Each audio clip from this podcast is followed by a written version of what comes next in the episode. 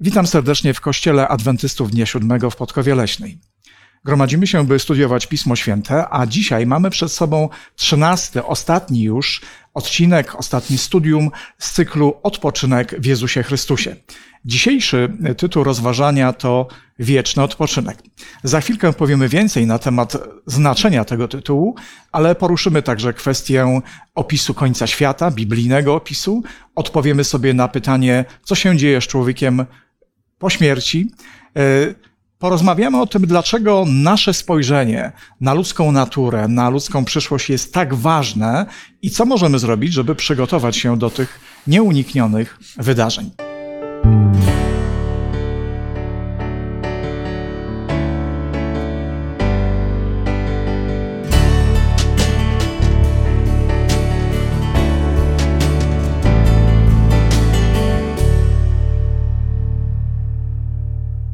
Jest ze mną Ania, Łukasz i Beat. Ja mam na imię Zbyszek i będziemy dzisiaj wspólnie zachęcali Was, drodzy, do tego, żeby sięgnąć po Pismo Święte. Zanim zaczniemy nasze rozważanie, nasze rozmowy, chcielibyśmy krótko pomodlić się do Boga, jako że będziemy rozważali Słowo Boże.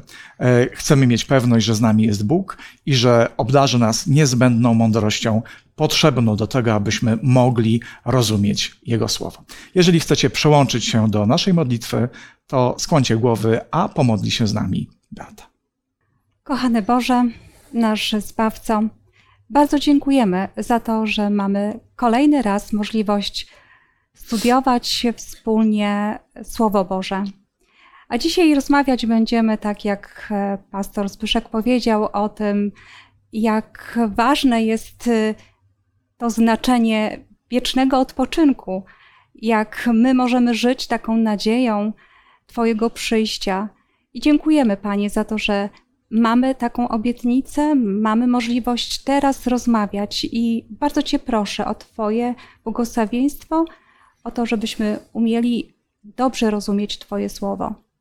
I dziękuję za tę możliwość i proszę pobłogosław też wszystkich słuchaczy, którzy będą nas y, słuchać i oglądać. W imieniu Jezusa. Amen. Amen. Amen. Cykl naszych rozważań, 13 tematów, oscyluje wokół zagadnienia odpoczynek w Jezusie Chrystusie. Temat jest rzeczywiście porywający, bo dotyka kwestii naszego zbawienia. Ale dzisiejszy temat, dzisiejszy y, y, odcinek nosi tytuł troszeczkę minorowy, bo wieczny odpoczynek. Jestem ciekaw, jakie macie skojarzenia związane z tym słowem, z tym określeniem wieczny odpoczynek. Przyznam, że mnie ono nastraja troszeczkę minorowo, kiedy osadzam je w naszej polskiej chrześcijańskiej rzeczywistości.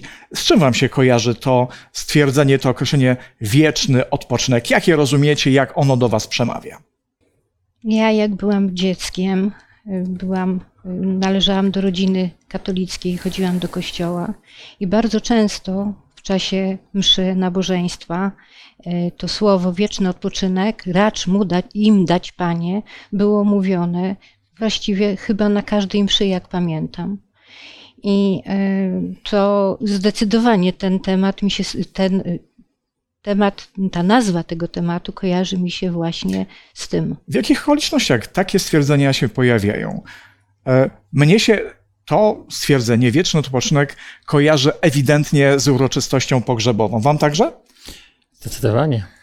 E, być może czegoś nie rozumiem, ale jest taka pieśń chrześcijańska, która jest bardzo często śpiewana w czasie uroczystości żałobnych, która zawiera w sobie właśnie to stwierdzenie: wieczny odpoczynek racz mu dać Panie. I jest to, jest to, są, te słowa padają w kontekście pożegnania z kimś bliskim, kiedy stoimy nad otwartym grobem, kiedy lada moment ktoś, kogo bardzo kochamy, zostanie złożony do wnętrza tego otwartego grobu, za chwilkę posypie się piasek, zostaną położone wieńce i to wszystko w kontekście tych właśnie słów wieczny odpoczynek, może się kojarzyć z jakimś niezmiennym stanem, że to jest właśnie nasz dom na wieki. Powiem Wam szczerze, że wszystko we mnie krzyczy, że ja się z takim scenariuszem absolutnie nie zgadzam, że ja się z nim nie utożsamiam, bo jeśli naszym wiecznym miejscem przebywania, naszym losem już na wieki ma być to złożenie ciała, naszego ciała w grobie, to brzmi to bardzo pesymistycznie. Czy rzeczywiście y, Pismo Święte w takich klimatach, w takich słowach przedstawia nam przyszłość ludzkości? Czy każdy, kto umiera, y, człowiek wierzący, niewierzący, y, tak właśnie ma skończyć? Czy rodzimy się po to, żeby umierać i żeby trafić na cmentarz, a tam dokonuje się nasz los, nasze przeznaczenie? Tak ma być na wieki? To jest nasz wieczny odpoczynek? Czytacie Biblię, powiedzcie, z czym wam się kojarzy to odpocznienie w Bogu i, i, to odpocznienie, które ma skutki wieczne. Wieczny odpoczynek, jeżeli odsuniemy powiedzmy te pierwsze skojarzenia, które y, nawiązują do naszej polskiej, chrześcijańskiej rzeczywistości, jak możemy te słowa odczytać nieco inaczej na bazie Pisma Świętego? Y, rzeczywiście, kiedy popatrzymy sobie na polską kulturę chrześcijańską, ten zwrot wieczny odpoczynek może się tak kojarzyć z tą uroczystością pogrzebową i z tym, że osoba, którą chowamy, to nasza bliska osoba w jakiś sposób wiecznie odchodzi, prawda? Ale Biblia mówi y, zupełnie coś innego i ta perspektywa y, ze strony Pisma Świętego jest inna. Ona daje nadzieję. I to hasło wieczny odpoczynek jest związane z przyjściem Jezusa Chrystusa, z ratunkiem dla każdego człowieka, z nadzieją, że my możemy mieć ten odpoczynek z Chrystusem i w Chrystusie. Dokładnie. E, w czasach Pana Jezusa judaizm nie był monolitem. A więc istniały różne stronnictwa, e, które, które w różny sposób pojmowały ówczesne Słowo Boże, Pisma Starego Testamentu.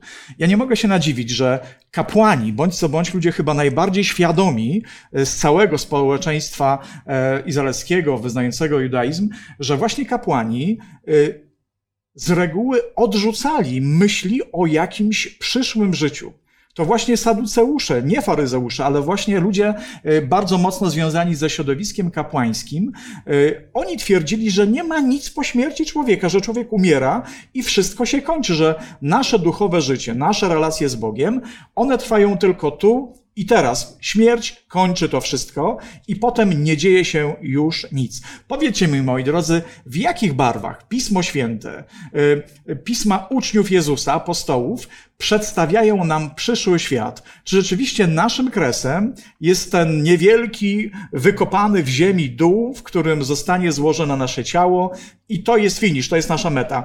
Jak Biblia mówi o przyszłości, czy Pismo Święte, kiedy mówi o przyszłości, mówi o tym wszystkim w takich e, kolorytach pozytywnych, pełnych optymizmu, takich kolorowych, czy raczej rzeczywiście te biblijne opisy mogą nas napełnić jakimś przygnębieniem? Co Pismo Święte mówi na temat przyszłego świata, naszej przyszłości? Pismo Święte mówi bardzo dużo na temat przyszłości. To jest bardzo interesujące. Oczywiście możemy rozważać w jakich barwach, bo to wszystko zależy od mm, miejsca, od jakiegoś takiego też do, doświadczenia y, osoby, która czyta i też okoliczności, w jakim czyta. Ale tak naprawdę, kiedy czytam i Ewangelię, i dzieje y, apostolskie, tych pierwszych uczniów, którzy żyli nadzieją powrotu Jezusa Chrystusa, y, to widzę to w takich bardzo pozytywnych barwach. Nawet sam taki tekst, który jest wypowiedzią apostoła Pawła z pierwszego listu do Koryntian w drugim rozdziale i dziewiąty wiersz, gdzie czytamy: Głosimy tedy, jak napisano, czego oko nie widziało i ucho nie słyszało, i co do serca ludzkiego nie wstąpiło, to przygotował Bóg tym, którzy go miłują. To brzmi jak baśń. To jest tak kolorowy fragment Biblii, y, który mówi, nawet nasza ludzka wyobraźnia w swoich najśmielszych oczekiwaniach nie jest w stanie wyobrazić sobie tego, y, nakreślić tego obrazu, będzie on tak piękny, że wszystkich nas zaskoczy. A więc chyba bez żadnej przesady możemy powiedzieć, że to, co najlepsze, jest ciągle przed nami, prawda? Że, że jednak to patrzenie w przyszłość z chrześcijańskiej, biblijnej perspektywy, ono napełnia nas nadzieją. To, co najpiękniejsze, jest ciągle przed nami. Ale tak. póki co, żyjemy jakby na krawędzi dwóch światów, tak? Chrześcijanie to są tacy dziwni ludzie, którzy widzą nie tylko to, co dostrzegają oczy, ale chrześcijanie sięgają jakby troszkę więcej i e, wielu ludzi wierzących mówi, że tak naprawdę żyjemy na krawędzi dwóch światów, że jest ten świat dotykalny, ten świat fizyczny, materialny i jest świat, którego e, pewne aspekty odkrywa przed nami Biblia. Jest świat duchowy, świat, który jest niedostępny dla naszych fizycznych e, oczu. Czy te dwa światy oddziaływują na siebie? Czy one się w jakiś sposób wiążą? Te, teoretycznie, y, tak jak ludzie myślą, to nie bardzo, a, a jak, jeżeli już w ogóle coś widzą, no to jest to takie bardzo o, y, zawoalowane.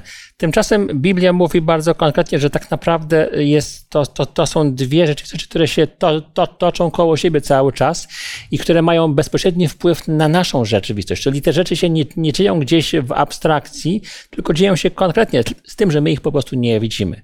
Biblia jest bardzo konsekwentna, mówi, dla, dlaczego ich nie, nie widzimy od początku, pra, pra, prawda? Więc też i pokazuje, że, mm, że, że ich nie, nie postrzegamy. Ale chrześcijanie, tak żeby zmierzać do, do jakby sedna tej wypowiedzi, chrześcijanie mają możliwość też dostrzec jakby głębszy sens tego, co, co dzieje się wokół nas. Dostrzegają kwe, kwe, kwestię pewnego konfliktu, który się to, toczy we wszechświecie pomiędzy siłami dobra i, i zła. I też w związku z tym widzą, e, dlaczego pewne rzeczy dzieją się tak, a nie inaczej na, na tej ziemi, co jest też olbrzymim błogosławieństwem bo jakby są, y, mogą być uwolnieni jakby od takiego obciążenia. Czy to chrześcijańskie patrzenie na świat pomaga czy przeszkadza? Czytamy Biblię, bierzemy pod uwagę Boże wypowiedzi. Pan Bóg mówi, że, że ten świat, który my dostrzegamy, którego dotykamy, on jest w bliskiej łączności z tym światem niewidzialnym, który niesamowicie na nas jednak oddziaływuje. Popatrzmy, że przecież generalnie chyba nie ma ludzi, którzy byliby w stanie powiedzieć, że w nic nie wierzą. Tak? Nawet jeżeli ktoś nie deklaruje się jako e, zwolennik chrześcijaństwa czy tych głównych, wiodących światowych religii, to jednak e, gdzieś tam w głębi serca e, wierzymy w jakieś wartości, w jakieś ideały, w jakąś potrzebę czynienia dobra i tak dalej. I Pismo Święte, kiedy sięgamy po nie, ono ukazuje nam rzecz niezwykłą. Mianowicie mówi z jednej strony o tym konflikcie, tym napięciu między dobrem a złem, a z drugiej strony bardzo wyraźnie Pismo Święte podkreśla fakt, że Bóg panuje, że jest Bóg, który wywiera wpływ na Twoje i moje życie. A więc, moi drodzy, czy to przeszkadza, czy pomaga? Świadomość tego, że jest Bóg, który ma wpływ na mój świat, na moje życie, mało tego, kiedyś wszyscy przed Nim staniemy. Jak to się przekłada na, na taką praktykę, na taką codzienność naszego, e, naszego życia? Ja mogę powiedzieć z własnego doświadczenia, że mi pomaga. Świadomość, że owszem, jest wielki bój, wielki konflikt między dobrem a złem. Czy możemy sobie pozwolić na neutralność w tym konflikcie? Czy możemy sobie pozwolić? E, nie. Dlatego, że jeżeli ja będę neutralna, to tak naprawdę i tak stanę po tej stronie zła. Ale kiedy stąd stanę po stronie dobra i przyjmę Bożą Y, ochrony, przyjmę Boże też prowadzenie, tą nadzieję Bożą, że On mnie poprowadzi w tym konflikcie, bo przecież życie nie jest proste i każdy o tym wie. Każdy zmaga się z różnymi problemami, troskami i tak naprawdę świadomość tego, że jest z nami ktoś, kto panuje, kto zwyciężył również w tym konflikcie. Kto ogarnia, ma kontrolę. Kto ogarnia, dokładnie. Daje taką nadzieję, że mi się chce żyć i ja mam cel w tym życiu. Nawet jeżeli wiem, że nie jest mi łatwo. Takim pięknym ob obrazem tego, że Bóg jednak ma nad wszystkim kontrolę, chociaż tak jak się patrzy na świat, to wydaje się, że wszystkie sprawy toczą po swojemu i Bóg pozwala na pe pewną jakby sferę działalności człowieka, wolność, ale e, e, objawienie nam daje wspaniały obraz, pokazuje nam całą historię, mówi o tym, co się będzie działo. Pan Jezus przedstawia nam wizję tego, co będzie, ale ten początek, te, pra, prawda, kiedy mówi o końcu, jest taki ba, bardzo, bardzo budujący, bo przecież pokazuje e, się Pan Jezus apostołowi Janowi w, tak, w takich właśnie, w, takich, e, e, w takim mm, potężnym obrazie i mówi, nie przejmuj się, to jest objawienie, rozdział pierwszy i tam wiersz osiemnasty i że byłem umarły, lecz oto żyję na wieki wiek wieków i mam klucze śmierci i piekła. Napisz więc, co widziałeś i co jest i co stanie się po, potem. Y, Czyli Chrystus przychodzi jako, jako ktoś neutralny, ktoś zdystansowany do naszego życia, ktoś obojętny na nasz los, ktoś po przeciwnej stronie, czy raczej Bóg przychodzi jako ten, kto chce nas przekonać, że jest dokładnie po naszej stronie, że jest po to, żeby nam pomagać. Chyba tak właśnie to Biblia przedstawia. Tam mówi, nie bój się też do apostoła Jana. Ale e, Jezus się przedstawia Janowi. Zobaczcie, to są takie okoliczności, kiedy Jan jest zesłany na e, stracenie. Samotnie spędza na wyspie. Ostatni żyjący apostoł. Ostatni żyjący apostoł, który tak naprawdę już dożywa tam samotnie na tej wyspie. I Pan Jezus przychodzi do niego, by pokazać mu tą wizję tego lepszego życia, tego pięknego życia. I co? Na początku przedstawia się. Ja żyjący byłem umarły, lecz oto żyję na wieki wieków i mam klucze śmierci i piekła. Czyli mam ster w swoich dłoniach. Ja jestem pierwszy i ostatni. Ten, Dokładnie. którego ty Moi znasz. drodzy, a więc Pan Bóg panuje. Wierzymy w to gorąco na, na bazie tego, co mówi Pismo Święte, tego, co sami przeżywamy w naszym życiu, że Pan Bóg ma kontrolę i, i Pan Bóg może kształtować historię tego świata. I ten właśnie Bóg, Bóg Biblii, mówi o końcu świata. I kiedy pada to hasło, koniec świata, to wielu ludzi dostaje dreszczy. Dlatego, że jest to e, zagadnienie, jest to takie, tak, taka informacja, która wcale nie musi się wszystkim podobać. Koniec świata. Moi drodzy, czy y, my jako ludzie wierzący, jak, jako, jako studenci Pisma Świętego, y, nie jesteśmy gdzieś tam w głębi serca troszeczkę katastrofistami? No bo koniec świata to jakikolwiek film, prawda, nawet niekoniecznie religijny, y, obejrzyjmy sobie jakiś, powiedzmy, film katastroficzny właśnie, no to ten koniec świata z powodu uderzenia komety, jakiegoś trzęsienia ziemi, przemagnetyzowania ziemi, jakkolwiek, to to wszystko kończy się źle najczęściej. Pan Bóg mówi, przyjdzie koniec świata. I co w związku z tym, co za tym hasłem, tym terminem, tym przesłaniem idzie? Mamy się bać? Ja tego tak nie postrzegam, że to jest koniec świata. To jest dla mnie koniec epoki, gdzie panował grzech. Świat się nie skończy. Skończy się epoka grzechu, skończy się grzech i wszyscy, którzy e, wybrali zło, wybrali e, przewodnictwo szatana, który jest sprawcą właściwie pierwszego grzechu u nas na, na ziemi, no to ci zostaną niestety unicestwieni, ale ci, którzy wybiorą Boga, wybiorą dobro, będą e, żyli dalej i ostatecznie będą żyli tu, na tej ziemi, tylko odnowionej. Pomóżcie mi coś zrozumieć, bo tak, w wielu polskich domach każdego dnia rozbrzmiewa modlitwa. Ojcze nasz, prawda? To jest przepiękna, cudowna chrześcijańska modlitwa, skarb wszystkich chrześcijan. I w tej właśnie krótkiej modlitwie znajdują się słowa: Przyjdź królestwo Twoje, tak? A więc z jednej strony modlimy się o przyjście Królestwa Bożego, co inaczej możemy y, przy użyciu innych słów nazwać nadejściem końca świata. Jaki świat ten zarządzany przez nas ludzi kończy się, nastaje Królestwo Boże. Modlimy się w naszych domach, ale kiedy pada hasło koniec świata, gdybyśmy dzisiaj zrobili krótką sondę na ulicy, tak? I zadali proste pytanie: czy pan, czy pani chcielibyście, żeby dzisiaj albo jutro nastąpił koniec świata? Jakich odpowiedzi moglibyśmy się spodziewać?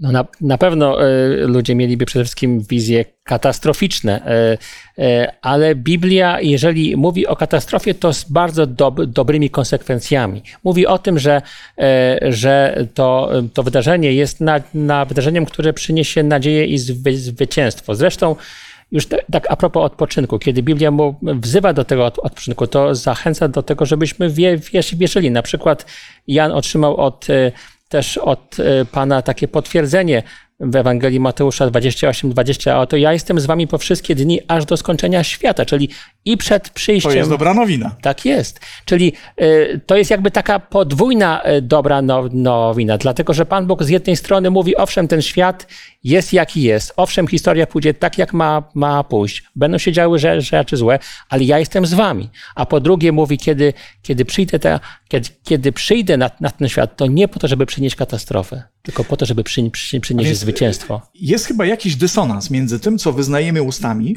a tym, jak żyjemy na co dzień, prawda? Bo z jednej strony modlitwa o nadejście Królestwa Bożego jest wyrazem jakiejś tęsknoty.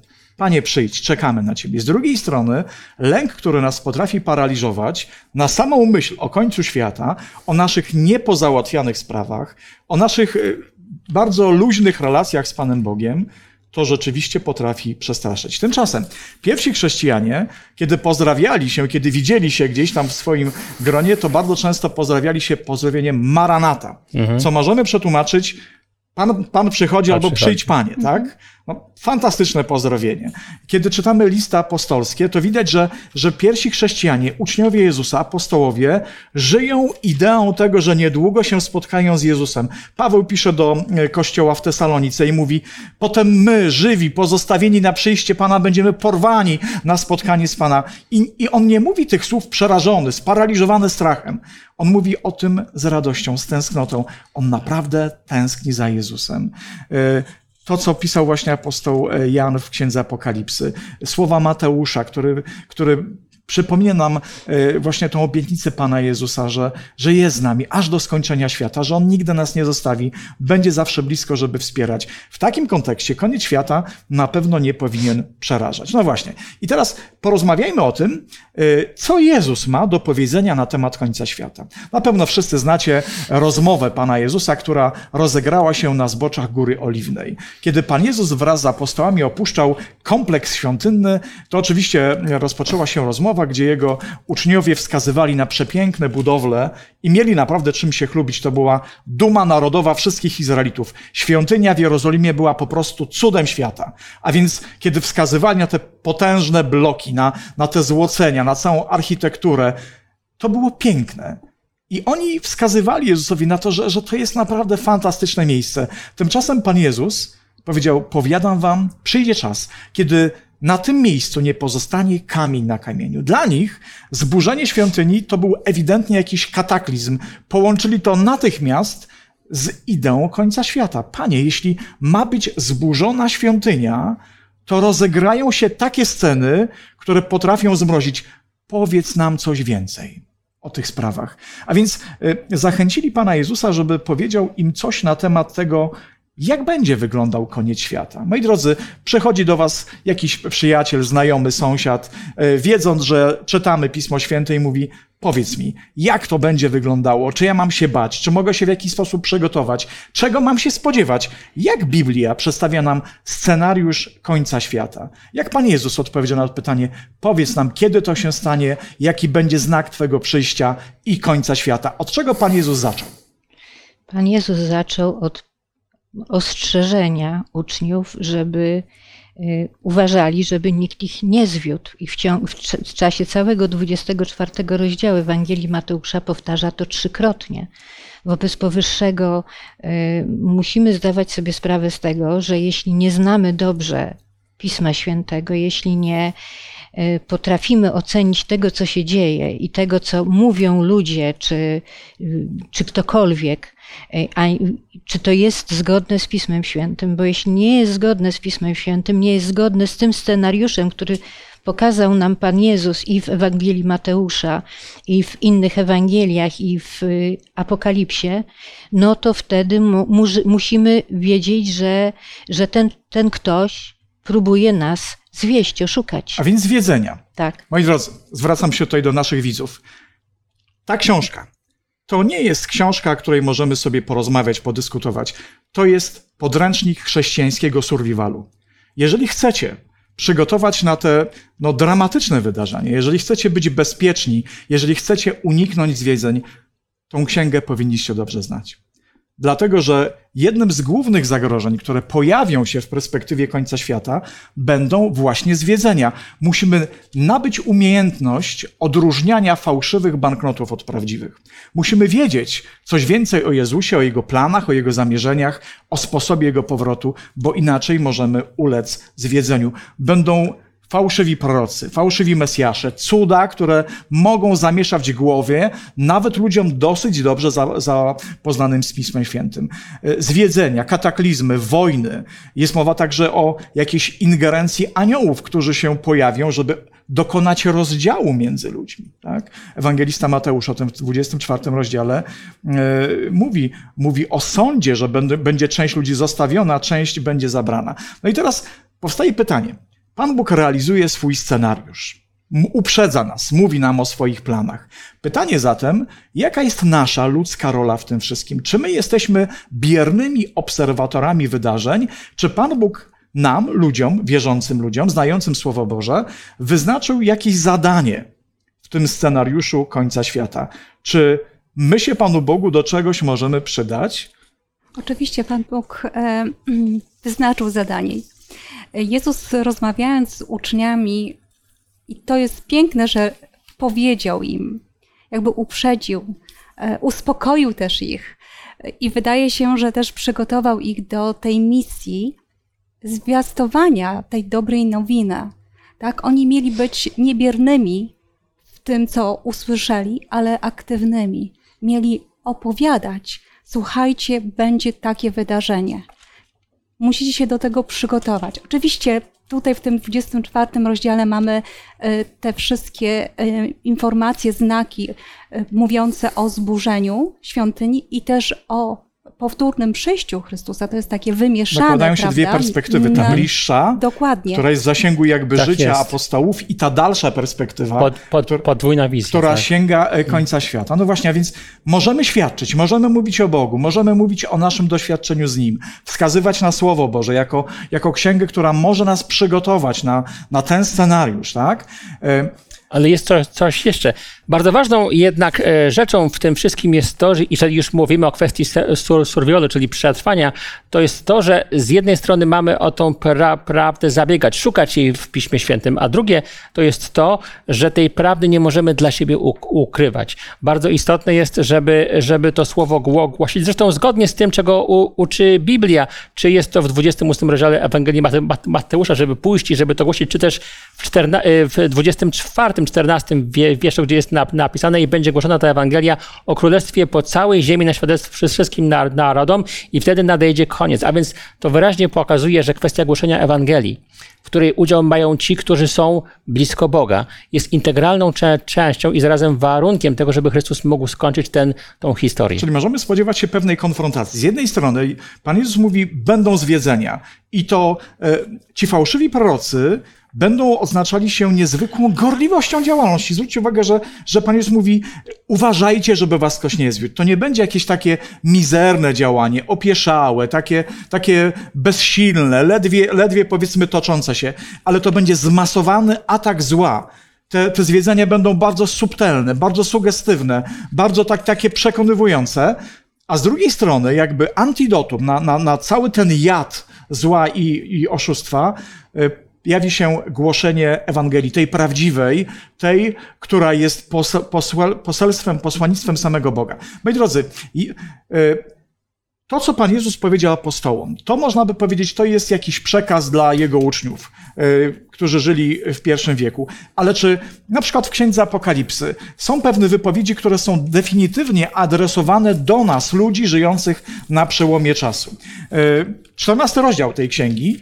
Poselstwo trzech aniołów. Myślę, że warto y, ten fragment Biblii przeczytać. 14 rozdział księgi Apokalipsa albo Objawienia świętego Jana i tam wiersz 6 do 12. Przeczytajmy te słowa.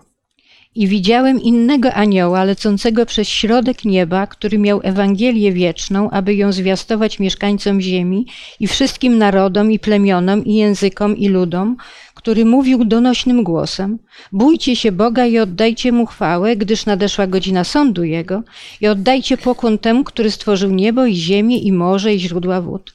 A drugi anioł szedł za nim i mówił: Upadł, upadł wielki Babilon, który napoił wszystkie narody winem szaleńczej rozpusty.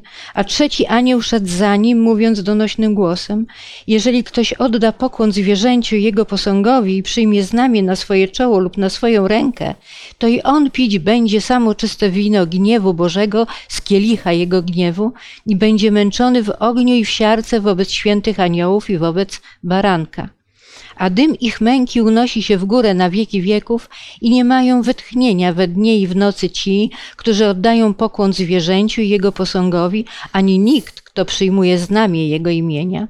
Tu się okaże wytrwanie świętych, którzy przestrzegają przykazań Bożych i wiary Jezusa. E, słowa niezwykle mocne. Zwróćcie uwagę, że Istnieje e, pewnego rodzaju chrześcijaństwo takie sentymentalne, które próbuje pokazywać Boga jako niezwykle kochającego Ojca, ale ta miłość jest tak przeogromna, że właściwie nie ma już w niej miejsca na sprawiedliwość, na, na, na uczciwy sąd, e, na położenie kresu złu i tak dalej. Tymczasem Biblia, kiedy mówi o Bogu w w sposób prawdziwy. To z jednej strony podkreśla miłość Boga, ale z drugiej strony mówi, że Bóg kiedyś złu położy kres. I teraz, jeśli my ludzie tak mocno wrośniemy w zło, w grzech, tak bardzo pokochamy to zło, musimy się liczyć z tym, że przyjdzie czas, kiedy Pan Bóg zaprowadzi sprawiedliwość. E, poselstwo trzech aniołów zmusza nas do podjęcia bardzo konkretnych decyzji, do opowiedzenia się. Tam padają niezwykle ważne słowa. Pojawia się określenie Ewangelia wieczna. Jest mowa o bojaźni Bożej, żebyśmy podeszli do Boga z szacunkiem. Mowa jest o godzinie sądu. E, mamy oddawać cześć Bogu jako Stwórcy. Jest mowa o wytrwaniu świętych, ale w wierszu 11 tego 14 e, rozdziału jest mowa o ludziach, którzy odrzucają Boga i konsekwencją tego odrzucenia Boga jest brak wytchnienia, brak odpoczynku. Brak odpoczynku. Brak odpoczynku. Brak odpoczynku. Tak. Y, o jaki odpoczynek może chodzić? Bo cały nasz kwartał mówił o, o odpoczynku w Chrystusie. Y, co to jest za odpoczynek? Jak w praktyce to działa? Czego możemy się spodziewać, kiedy, kiedy szukamy tego odpoczynku w Bogu i jakiego to odpoczynku nie mają ci, którzy Boga odrzucają?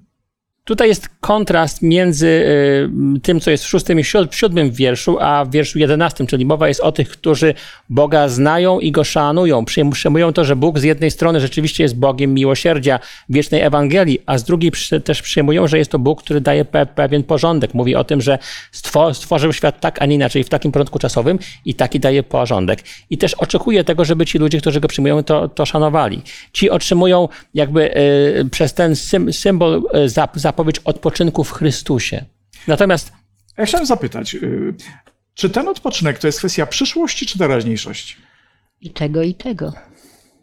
Myślę, że i tego, i tego. I przyszłości, i teraźniejszości. Ktoś, kto żyje z Bogiem tu i teraz, doświadcza tego pokoju, bo Pan Jezus powiedział: Przyjdźcie do mnie wszyscy, którzy jesteście spracowani, obciążeni, a ja dam wam pokój. No, pokój wiąże się z odpoczynkiem takim y, fizycznym, y, emocjonalnym i takim duchowym również, tak? Bo mamy łączność y, z Jezusem.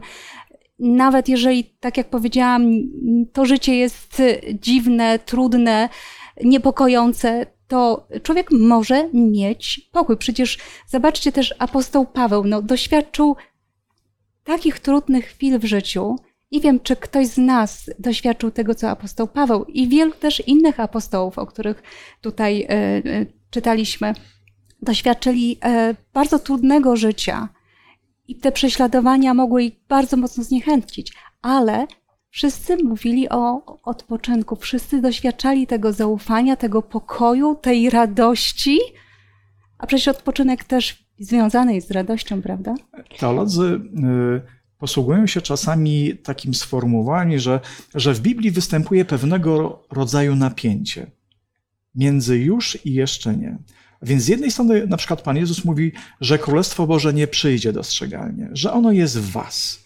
A z drugiej strony mówi, że mamy się modlić o o przyjście, prawda? Że to jest z jednej strony coś, co już teraz działa, coś, co się dzisiaj między nami realizuje, a jednocześnie coś, co jest kwestią jeszcze dalszej perspektywy. Mam przed sobą fragment listu do Hebrajczyków.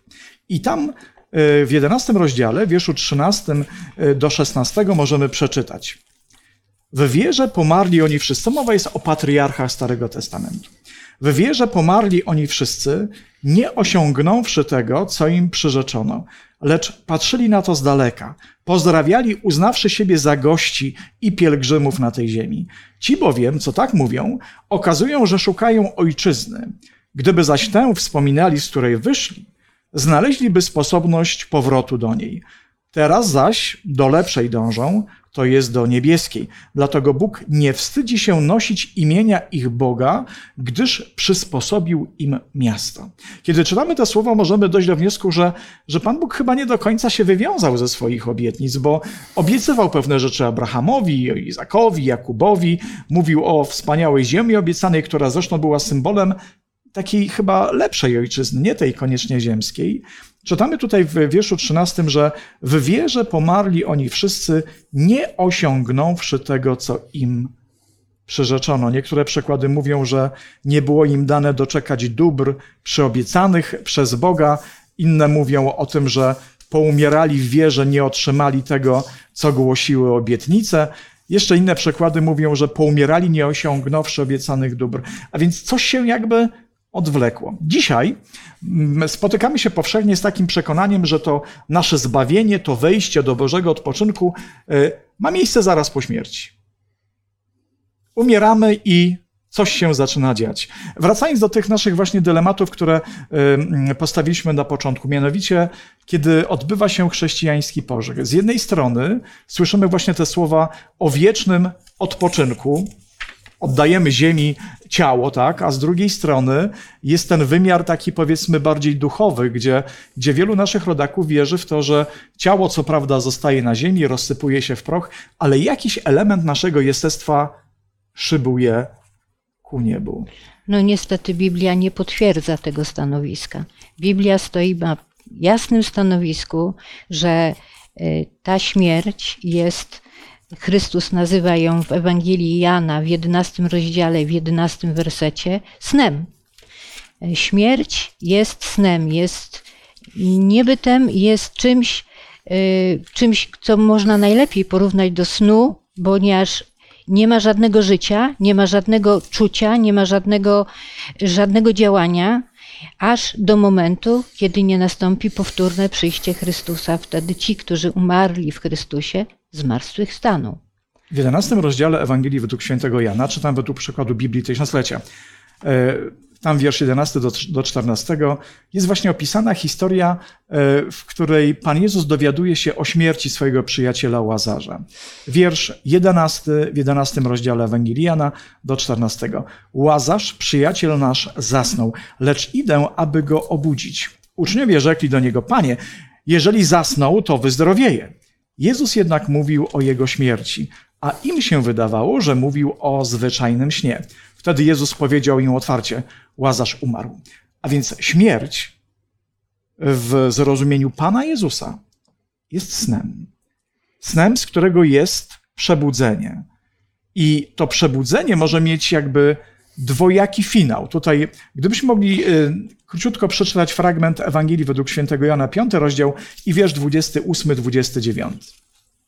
Nie dziwcie się temu, gdyż nadchodzi godzina, kiedy wszyscy w grobach usłyszą głos Jego i wyjdą ci, co dobrze czynili, by powstać do życia, a inni, którzy źle czynili, by powstać na sąd. Czyli zmartwychwstanie dla każdego, ale Biblia mówi o dwóch rodzajach zmartwychwstania, tego przebudzenia ze snu. A więc jest los tych, którzy żyli z Bogiem i jest los tych, którzy Boga odrzucili. Obydwie te drogi mają wymiar, wymiar wieczny. Zbawienie ma charakter wieczny, ale też zatracenie ma wieczny e, charakter. Moi drodzy, pokój w Bogu, odpoczynek w Bogu. To jest myśl, która towarzyszyła nam przez 13 e, studiów biblijnych i spróbujmy to jakoś sfinalizować. Ustaliliśmy już, że, że Biblia pokazuje tą chrześcijańską nadzieję, to patrzenie w przyszłość jako coś pełnego optymizmu.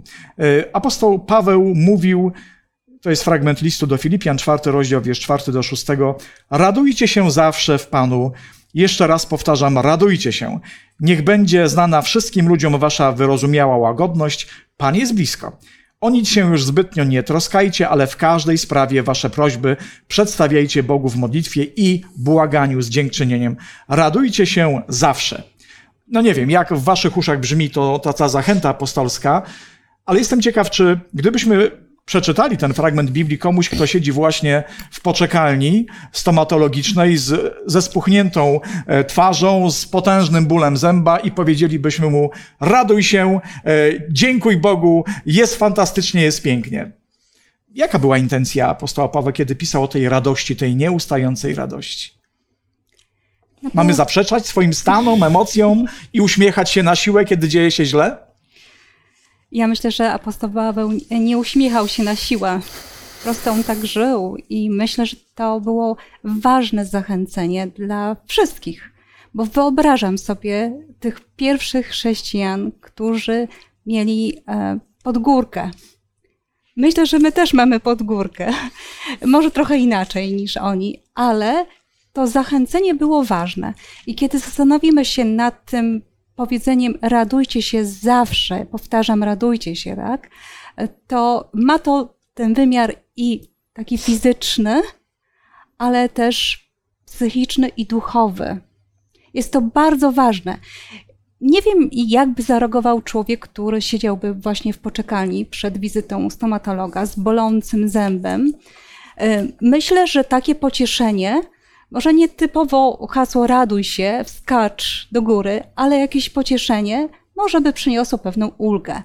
To wszystko zależy od okoliczności, ale myślę, że każdy, kto jest e, pilnym też czytelnikiem Słowa Bożego, taką zachętę, takie pocieszenie i taką też wskazówkę raduj się może wyczytać tutaj w tym To słowie. jest chyba też, proszę Łukasz. Jeszcze do- dodam, że ta radość ma też swoje znaczenie, dlatego że y, no, trzeba to dobrze może zrozumieć, że kiedy Bib- Biblia mówi o radości, to mówi o tym, że to jest radość wynikająca z pewnego stanu, tak? Czyli, że y, człowiek, który jest ro, rozumny, godzi się na to, że pewne rzeczy muszą się stać e, i, i pogodziwszy się, się z nimi, wtedy, wtedy szuka e, siły w, Chry- w Chrystusie. To jest, I to jest właśnie ta, ta radość, która wynika z tego, że człowiek, człowiek nie walczy, pra, prawda, e, ze, ze wszystkim, tylko godzi się i mówi, to jest wła, właśnie to. Czy to nie jest też kwestia perspektywy? Dokładnie. z jakiej patrzymy na otaczające nas wydarzenia.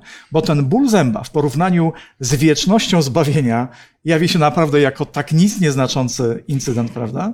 No właśnie, kiedy nawet przeczytamy taką obietnicę Bożą, że Bóg e, otrze wszelką łzę z oczu ich i śmierci już nie będzie, i bólu, i łez, i mozołu, to zobaczcie, kiedy czytamy coś takiego y, z perspektywy już różnych doświadczeń, to nie wiem jak wam, ale mi się robi dobrze. Tak? I myślę, że też o to chodzi, kiedy analizujemy ten wieczny odpoczynek, że tak naprawdę my nie mamy tutaj na tej ziemi dobrze, bo świat jest paskudny, ale mamy nadzieję na coś lepszego. Na ten odpoczynek od tego wszystkiego, co tak naprawdę my tutaj doświadczamy. I oczywiście to ktoś, kto ma dobrze tutaj, tak, żyje w przepychu, może pomyśleć, mi nic nie jest potrzebne, ale tak naprawdę każdy człowiek potrzebuje czegoś, co tylko może dać Pan Wiecie, Bóg. co mnie urzeka e, w naszym Bogu, w naszym Stwórcy, w naszym Zbawicielu? Urzeka mnie to, że On tak bardzo chce być blisko nas.